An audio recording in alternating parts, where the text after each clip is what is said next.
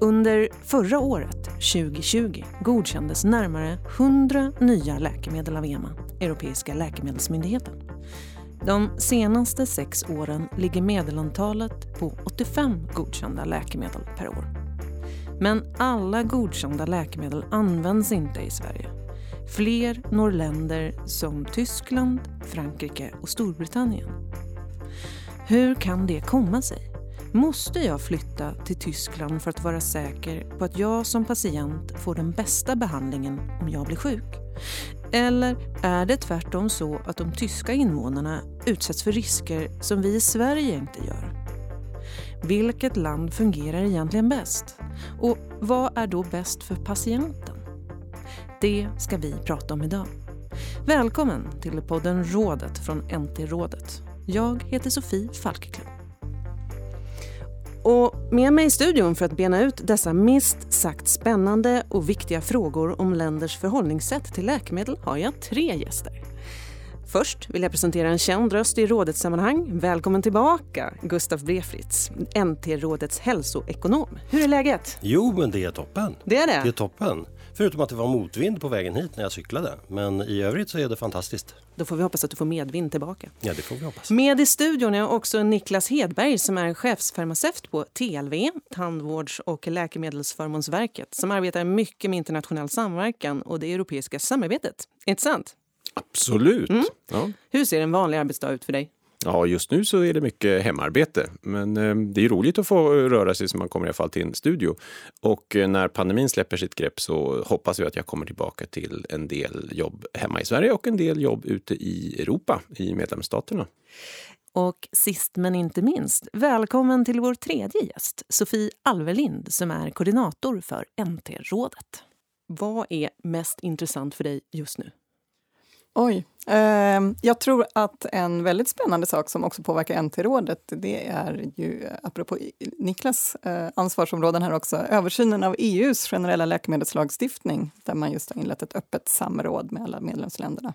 Det är väldigt spännande. Intressant. Låt oss då börja och sätta igång då. Eh, närmare 100 nya läkemedel blev alltså godkända av EMA, eh, bara under förra året. Och då börjar vi med dig, Gustav. Varför når inte alla nya läkemedel Sveriges befolkning? Det finns flera svar på den frågan.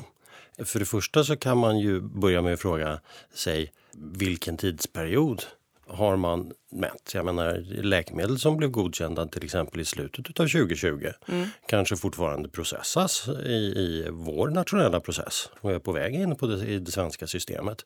Så bara för att de godkändes 2020 så innebär inte det att de inte kanske är på väg hit. Det är det, ett enkelt svar. Ett annat svar är ju det att, att vi har, vad kan man säga, vi har en annan uppgift än EMA. Mm. EMA godkänner läkemedel på basis av säkerhet och effekt. Det vill säga, ger de så pass bra verkan i förhållande till vilka risker de har för till exempel bieffekter, ja då ska de godkännas och släppas ut på marknaden. Men när de kommer till Sverige, då är vårt beslut ett annat. Och det är nämligen att bestämma, är de så pass bra så att de är värda det priset som företaget begär för dem? Mm. Och det är en annan fråga. Så det är ett annat beslut. Så bara för att de har blivit godkända hos EMA så innebär inte det nödvändigtvis att det är fantastiskt bra läkemedel. Det kan vara medelmåttiga läkemedel som är för högt prissatta där vi har fullt adekvata eh, läkemedel på, i Sverige så, så vi egentligen inte behöver de här nya läkemedlen. De tillför inte någonting till patienterna. Mm. Det är bara två. Jag kan, jag kan hålla på hela dagen och lista olika skäl men, men det, finns, det finns många skäl. Ja. Spännande. Och då är det ju så att då betyder det att vi har en utarbetad modell för just att godkänna och se över det här. Niklas, jag tänker att jag frågar dig då. Hur ser Sveriges modell och strategi ut? Jag kommer att ha en dubbel roll här idag. Jag ska prata lite grann med eh, och beskriva hur det funkar i Sverige mm. utifrån TLVs beslutsfattande roll. Och jag ska också försöka beskriva lite grann hur utvärdering av medicinsk teknik, HTA förkortas det, går till i Europa. Men om vi börjar med det här, Gustav har ju, har ju rätt, men, men går ganska fort förbi mellansteget skulle jag vilja säga, där, där TLV har en väldigt viktig roll. Och det är att också titta på den relativa effektiviteten. Innan vi nödvändigtvis kommer till kostnadseffektivitet så har vi ett väldigt stort jobb att se vad tillför det här i jämförelse med de produkter som redan finns eller de metoder som redan finns och används på marknaden. Och det är ju framförallt det som man kan samarbeta och kommer att samarbeta om på EU-nivå. Eh, sen är absolut, sen kommer ju också det här med kostnadseffektiviteten in även för oss. Och, och eh, du inledde i din ingress mm. där med hur vet man vilka produkter som, som är på väg in och som finns? Alltså, det som blir beslut från TLV, det kan man ju alltid se på vår hemsida. Vilka blev beslut och varför blev det ett positivt beslut eller varför blev det vid några tillfällen ett negativt beslut? Och vi styrs ju också ganska, hård, eller ganska tydligt av tidsramar.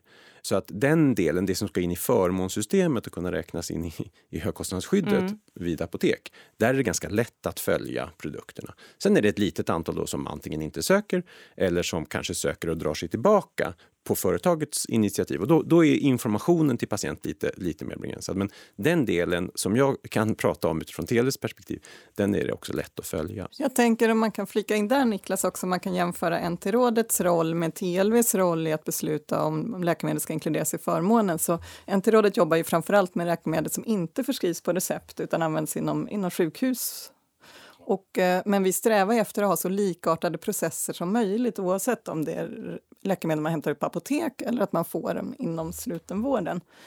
Så att den här utvärderingen TLV hjälper ju NT-rådet med de här hälsoekonomiska värderingarna där man just tittar på nyttan relativt annan tillgänglig behandling och på nyttan i förhållande till kostnaden som ju sen ligger till grund för NT-rådets rekommendation. Så att vi, vi försöker ju verkligen sträva efter att ha så likartade processer som möjligt och också så snabba som möjligt. Det stämmer, det stämmer mm. absolut. Mm. Och, och, då, då, återigen, då har vi inget beslut från oss som kommer, men det finns ett kunskapsunderlag som mm. man på motsvarande mm. sätt kan läsa och ta del av, mm. eh, som är vår leverans till, till NT-rådet. MT-rådet samarbetar ju med våra nordiska länder här. I all den här diskussionen, så fokusera på Norden för en stund. Hur ser samarbetet ut? Det finns ju samarbete på olika plan med våra nordiska grannländer. NT-rådet samarbetar med grannländerna inom Nordiskt läkemedelsforum och där ingår Norge, Danmark, Finland, Island. Och det finns ett antal olika arbetsgrupper som sysslar med olika saker. Det finns Horizon Scanning, det finns eh, försörjningsfrågor. Men det finns också en arbetsgrupp som handlar just om nya läkemedel. Mm. Och där är, finns också representation från TLV. Mm. Och det går väldigt mycket ut på att dela kunskap och erfarenheter med varandra och lära sig av varandra. Men vi har också genomfört en en förhandling kring ett nytt läkemedel gemensamt, länderna sinsemellan. Sen så finns ju Finose där eh, några av de nordiska länderna samarbetar kring eh, HTA-värderingar, Niklas. Ja, ni ja precis. Och, och det, det, blir ganska många begrepp här och, och det gäller att, att bena ut dem och hålla, hålla isär dem. Och, och det är riktigt, vi är med på så många ställen vi kan för vi behöver information och vi kan bidra med kunskap. Men jag vill säga det Nordiska läkemedelsforum som, som Sofie just pratade om kommer ju ganska ofta att leda till en förhandling och då är vi inte med i det steget. Det är jätteviktigt för oss att säga, vi är inte med i förhandlingsstegen.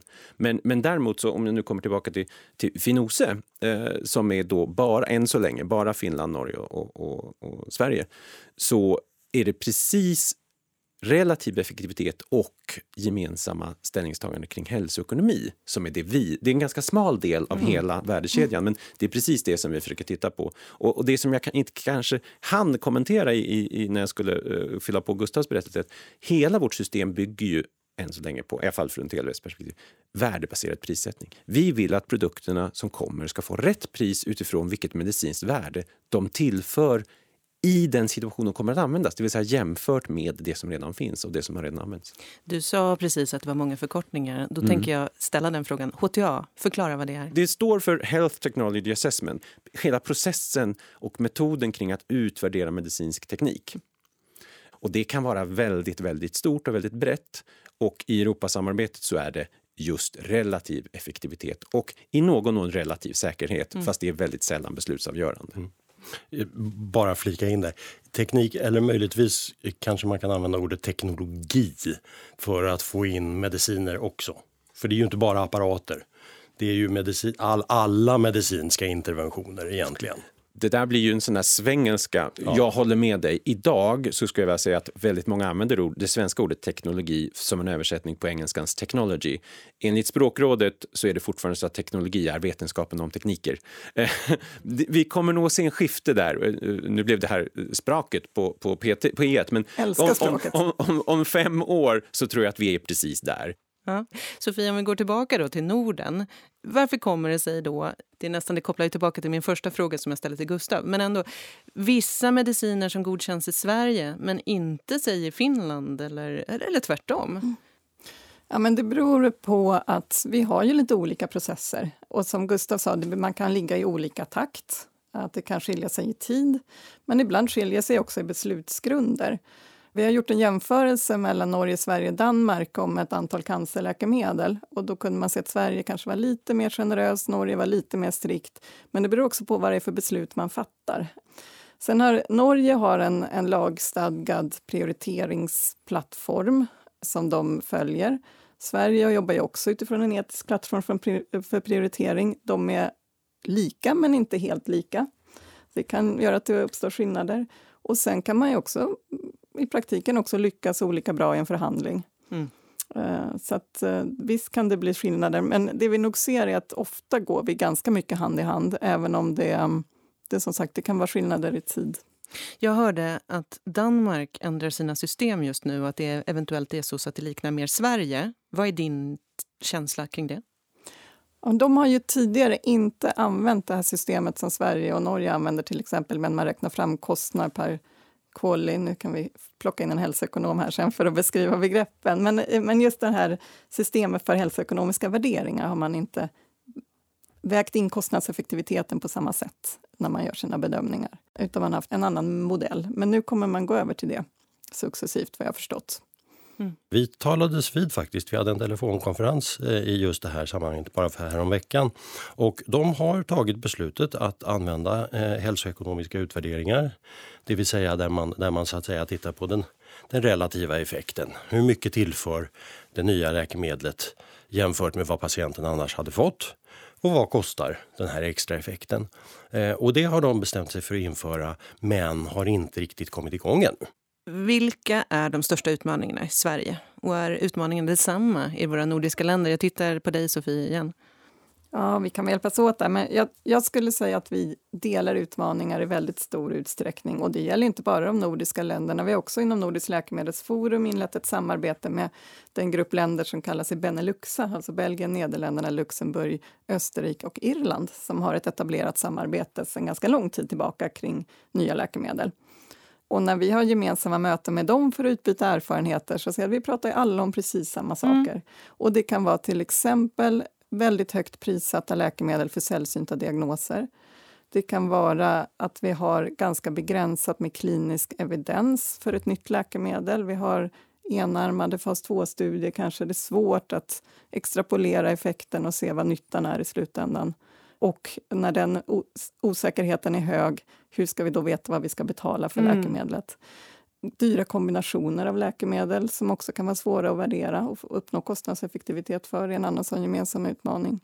Och så de här um, engångsbehandlingarna som är potentiellt botande och väldigt liksom, angelägna att få något grepp om och kunna använda, men som då också innebär en, att man behöver olika typer av riskdelning och sådär. Som vid blödarsjuka? Till exempel? Ja, till exempel, ja. absolut. Och du pratar samarbetet med Beneluxländerna mm. där lite grann. Mm. Och då tänker jag att då tar vi och vidgar fokusområdet. Då, mm. Niklas, som medlemmar i EU är vi ju del i ett större sammanhang. Mm. Eh, och hur ser samarbetet ut? Samarbetet står precis just nu i ett avgörande skifte.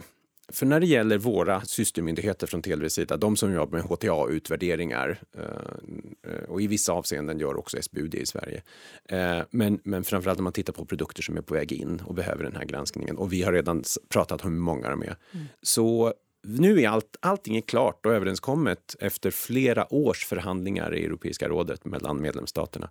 Så att nu väntar vi på att EU-parlamentet ska fattade slut, alltså sitt sista beslut och det innebär att från och med december eller januari så vet vi att vi får en gemensam EU-lagstiftning på det här området som kommer att träda i kraft tre år efter det att, att parlamentet har gått igenom sina formella processer. Så att någonstans januari 2024 eller nej, förlåt, december 24 eller januari 25, det låter jättelångt bort, men det är väldigt snart i de här sammanhangen så kommer det att finnas en lagstiftning som säger att de europeiska medlemsstaterna, EUs medlemsstater plus då EES, alltså Norge och Schweiz, Liechtenstein och Island, ska genomföra gemensamma utvärderingar på vårt område.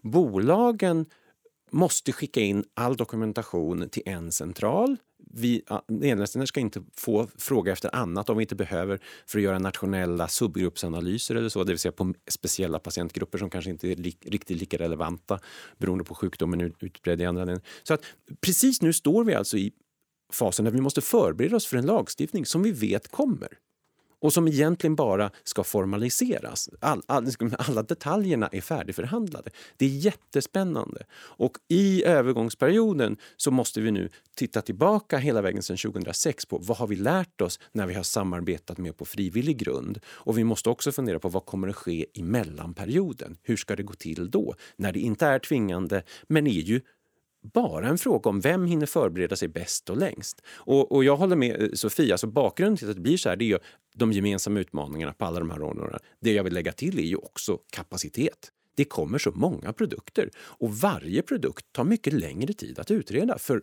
det finns alla de här svåra frågorna. Så vi måste liksom jobba smartare. Dessutom så behöver vi komma längre i att göra mer lika i EU.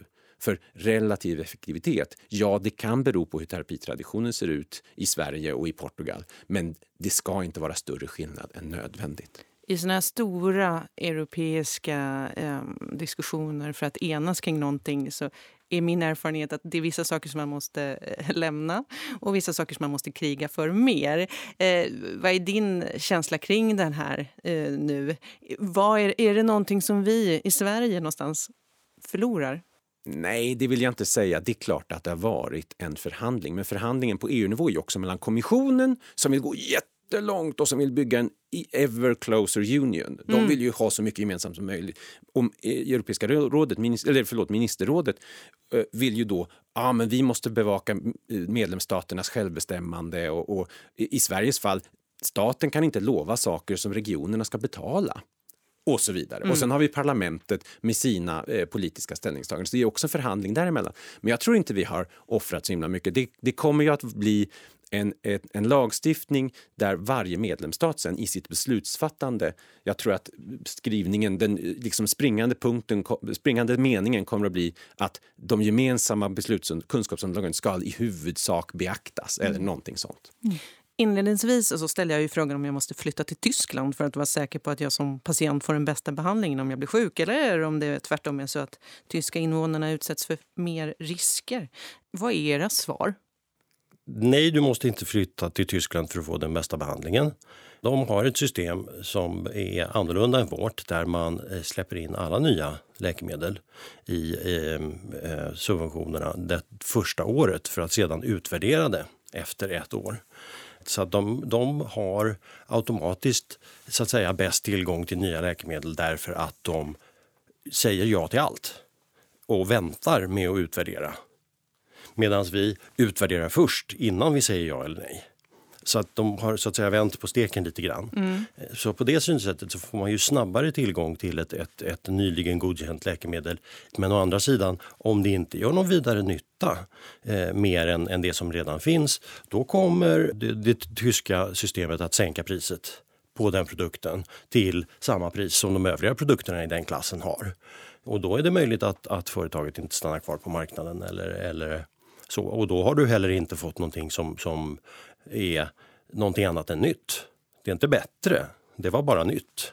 God vård handlar ju om så mycket mer än läkemedel. Det man bör titta på är ju utfallet i slutändan, är liksom liv och vunnen hälsa och livskvalitet och sådär. Så att det, det är ju en, en väldigt svår fråga att besvara, tycker jag, ur det perspektivet. Det, det handlar ju om att det ska vara en, en tillgänglig vård för alla som behöver den utefter behov. Jag vill ju gärna försvara det svenska systemet. Mm. Vi har ett värdebaserat system och jag tror att långsiktigt så är det det bästa man kan ha för både patienter och samhälle. Vi gör en prioritering. Det finns exempel på att vi säger nej till produkter som, som inte kommer patienten god, men då är det ju för att vi inte ser att det till, tillkommande värdet är tillräckligt stort för, i förhållande till, till kostnaden.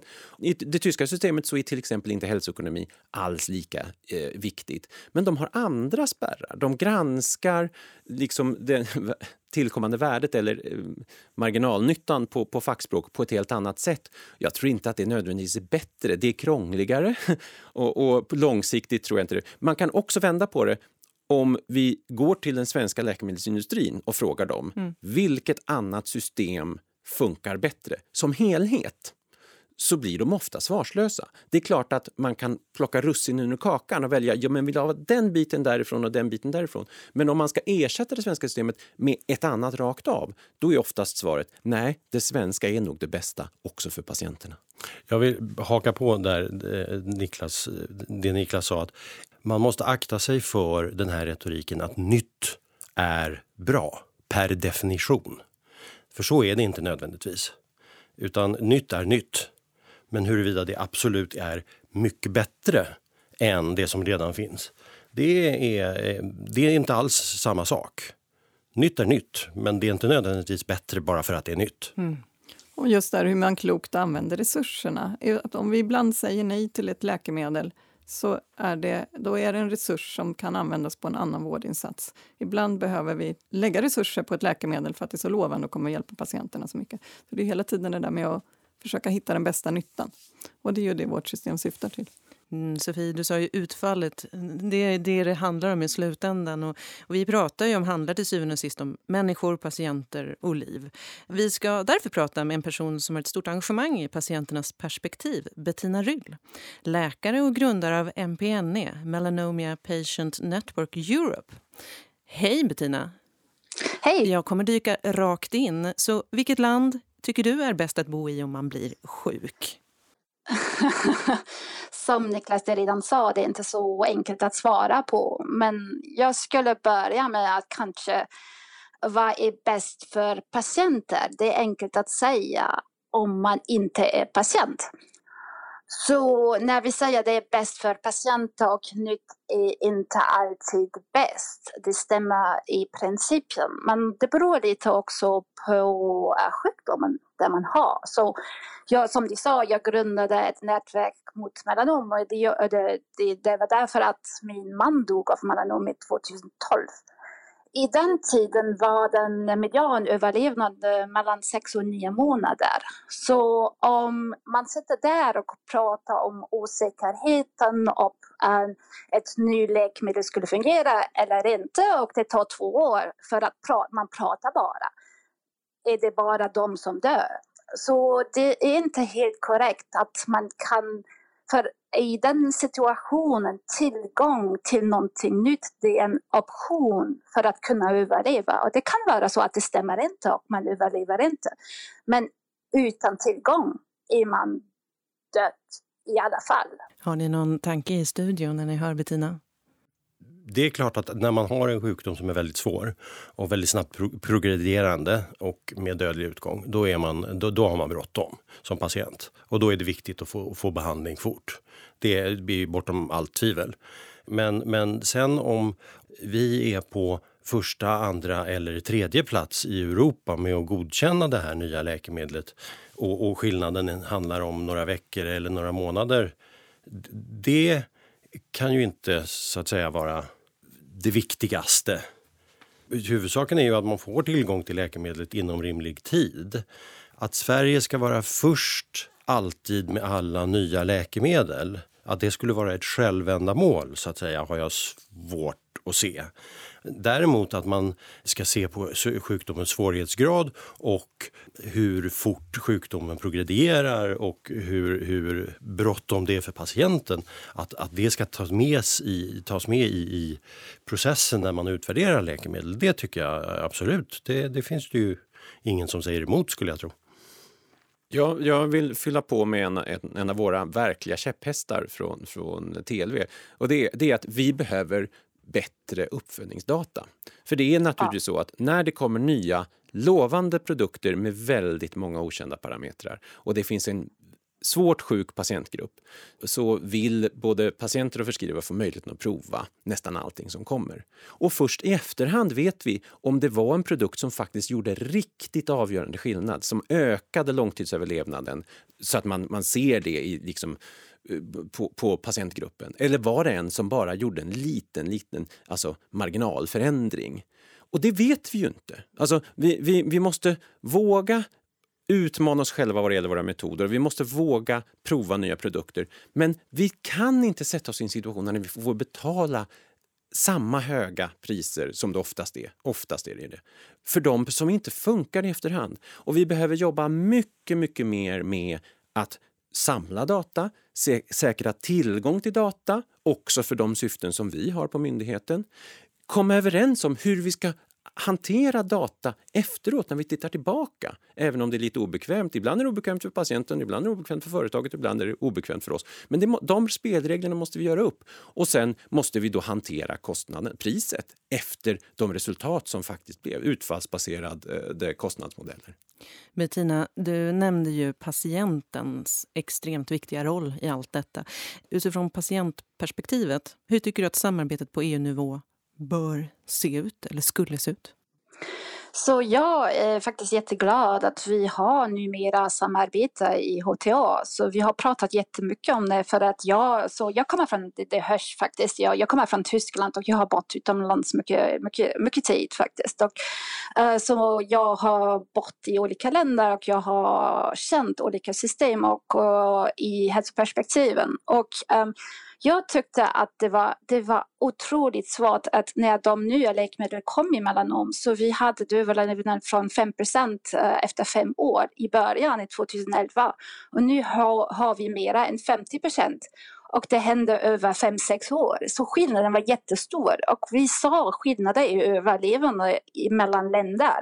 Så ett land, de överlevde och de andra, de, de dog. Och det var, det, jag tyckte det var hemskt. Jag känner mig europeisk och jag tycker att det kan man inte det, det, kan man inte tillåta. Man kan inte säga det är okej okay att du dör, du bor i ett land, okej okay, de vill inte betala så du dör bara. Så jag tycker det, det kan man inte. Så jag tycker det är helt viktigt och vi har vi har faktiskt provat nu med, med um, covid-vacciner att vi kan jobba tillsammans, att vi kan förhandla, förhandla tillsammans. Så det är faktiskt möjligt och jag skulle gärna säga en samarbete på detta nivået när det blir sällsynta diagnoser, när det blir jättedöd, när det blir stor osäkerhet. Det är där man skulle jobba tillsammans att förbättra vård för alla överallt i Europa.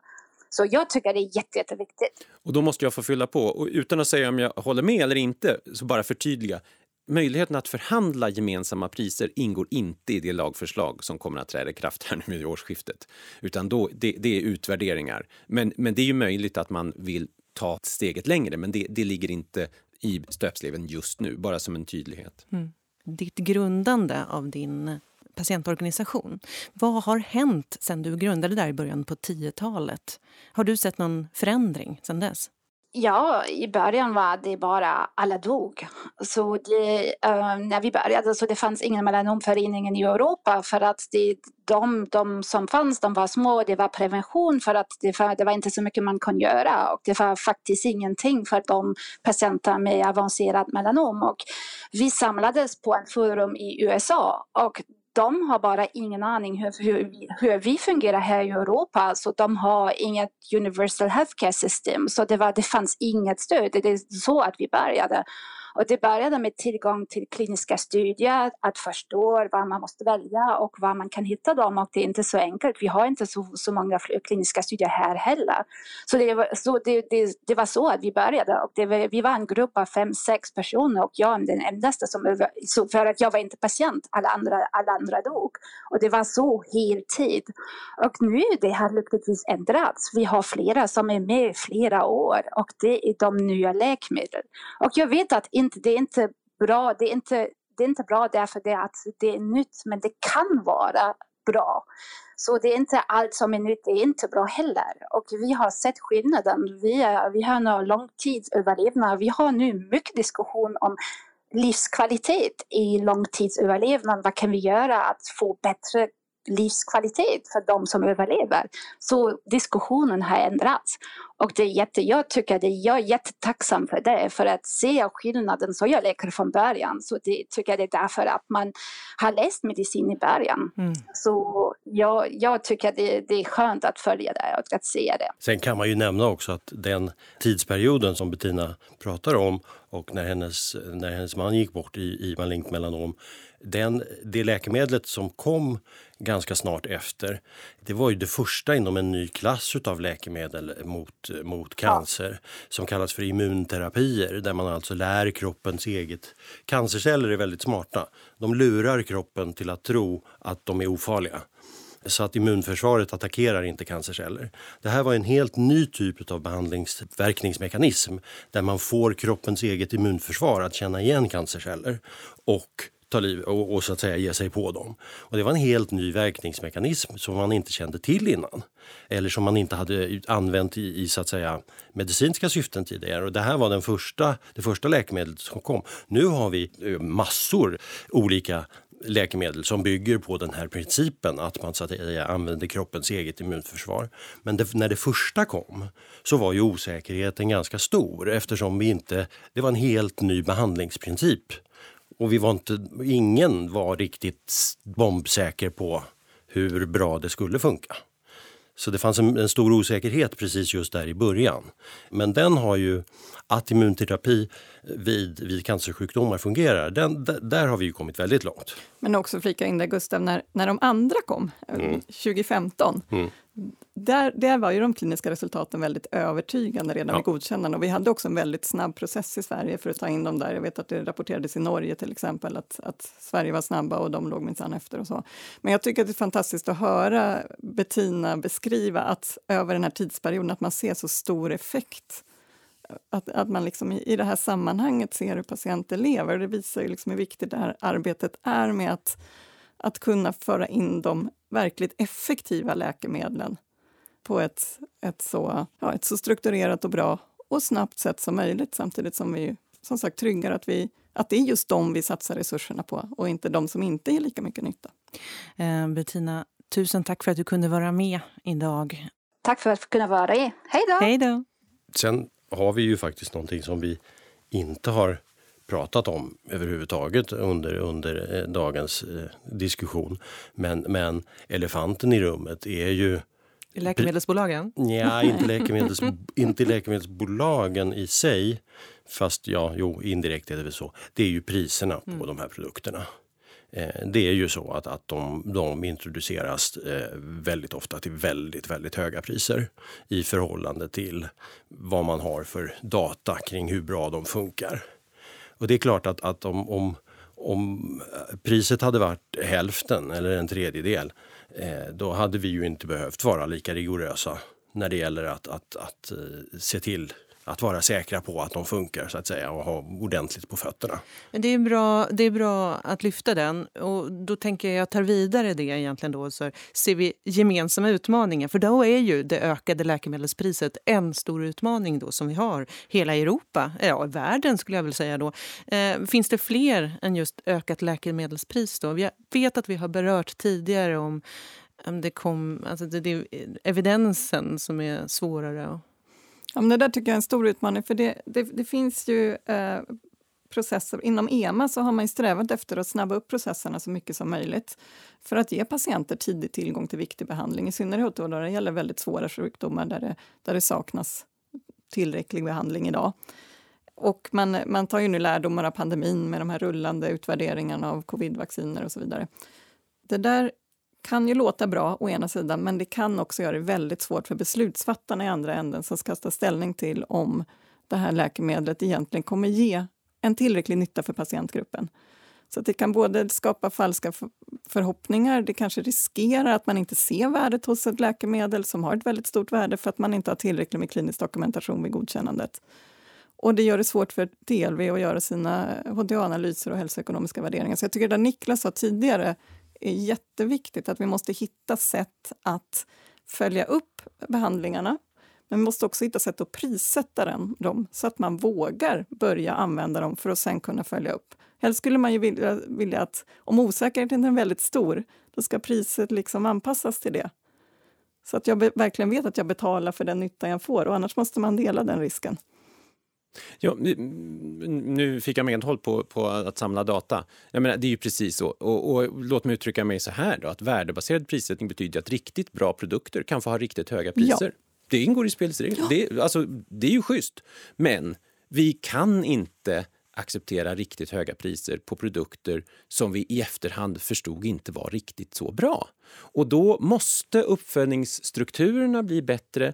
Vi måste få, återigen, bättre data. Där kan alla bidra. Företag, inte minst patienter, andra myndigheter, alla som är inblandade, förskrivare, registerhållare. Bättre data. Mer data, mer heltäckande, högre kvalitet, bättre kvalitetssäkring som dessutom görs tillgänglig för fler parter, mm. för fler ändamål. Det är, det är en jätteviktig. Men sen också ett otroligt stort ansvar att faktiskt acceptera resultaten av uppföljningen och säga ja men det här visar att den inte var så bra. För det tror jag är en jättestor brist just nu. Och nu talar jag faktiskt med Europahatten. Det finns så otroligt få exempel på att till exempel läkemedelsföretag eller för den delen patienter har sagt ja men ni har rätt, det här, den här produkten var inte alls så bra som grundantagandet byggde på. Och vi måste se några sådana exempel för att öka tilliten i systemet. För annars tror jag att utvärderingsmyndigheter, HTA-myndigheter och betalare kommer att ha en ovilja att gå in i de här riskabla betalningsmodellerna när man säger men vi betalar nu så får vi se sen. Ja, men visa oss att det här se sen faktiskt gör skillnad. Så är det det du säger att uppföljning och acceptans för uppföljningen är svagare än själva genomförandet av nya ja, det Ja. ja. Och på, på en europeisk nivå, om man letar, jag har försökt leta faktiskt, när du, om du säger vi ska följa upp, då är det lätt att sitta ner vid skrivbordet och säga ja, vi ska följa upp, vi behöver två eller tre eller fem år. Men när man kommer tillbaka i möteskonferensen fem år senare och tittar tillbaka, vad var det vi hittade egentligen? Ja. Så finns det nästan inget svar som gör att det blir en ordentlig ny diskussion om värdet av produkten och framförallt inte om resultaten av uppföljningen visar sig vara sämre än man hade förväntat sig. Ja, då är ju systemen och, igång och rullar redan. Och det är ju jätte... de är inte det. Det där tycker jag också är jätteintressant. För att vi har idag en regulatorisk, alltså godkännandeprocessen är ju sån att vi kan, vi kan få läkemedel godkända med förhållandevis begränsad evidens om hur väl läkemedlet funkar. Eh, man, kan, man, man ger villkorade godkännanden under förutsättning att företagen fortsätter göra kliniska studier och demonstrerat och bekräfta de resultat man har skickat in. Vi vill hemskt gärna följa upp, men i Sverige har vi inte förutsättningar att följa upp eh, effekt av läkemedelsbehandling idag. Jag tror att det är så i många europeiska länder också. Vi har liksom inte den infrastrukturen. Och vi har inte en prissättning som är anpassad till osäkerheten när vi får de här nya läkemedlen på marknaden. Så jag tycker att det, det, i ena änden har man kommit långt, på EMA-nivå kanske, i att, att försöka ge ett snabbt och tidigt tillgång till läkemedel. Men i andra änden så saknar vi jättemycket. Det ena blir ju en konsekvens av det andra. Jag menar, om du klämmer ihop eh, beviskraven för att godkänna läkemedlet och släppa ut det på marknaden, då blir det ju större beviskrav för, för att, så att säga, acceptera priset. Om man säger att jo, det, företaget säger att det gör så här mycket nytta och, och, och, då är det värt så här mycket pengar. Ja, men det har vi ingenting att, att basera våra beräkningar på därför att man godkände det på pyttelite data. Man har snabbat på en del av processen men en konsekvens av det är att man har istället gjort den nästa del av processen långsammare, delvis. Eller svårare i alla fall. Extremt spännande diskussion. Tack för att ni var med, det måste jag verkligen säga. Så det betyder att det här var allt från oss här på podden Rådet. Tack till Gustav B Fritz, hälsoekonom i NT-rådet. Tack så mycket. Sofie Alvelind, koordinator för NT-rådet. Tack. Och Niklas Hedberg, chefsfarmaceut på TLV. Missa inte nästa del av podden Rådet. Rådet är en podcast från NT-rådet NT-rådet ger rekommendationer till landets regioner om hur nya läkemedel ska användas. Information om NT-rådet hittar du på www.ntrådet.se.